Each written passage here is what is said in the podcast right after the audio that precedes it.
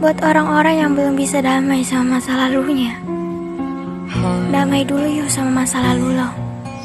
Baru cari yang baru. Karena kalau lo buka hati di saat lo masih terluka Justru malah nyakitin orang lain. Jangan egois.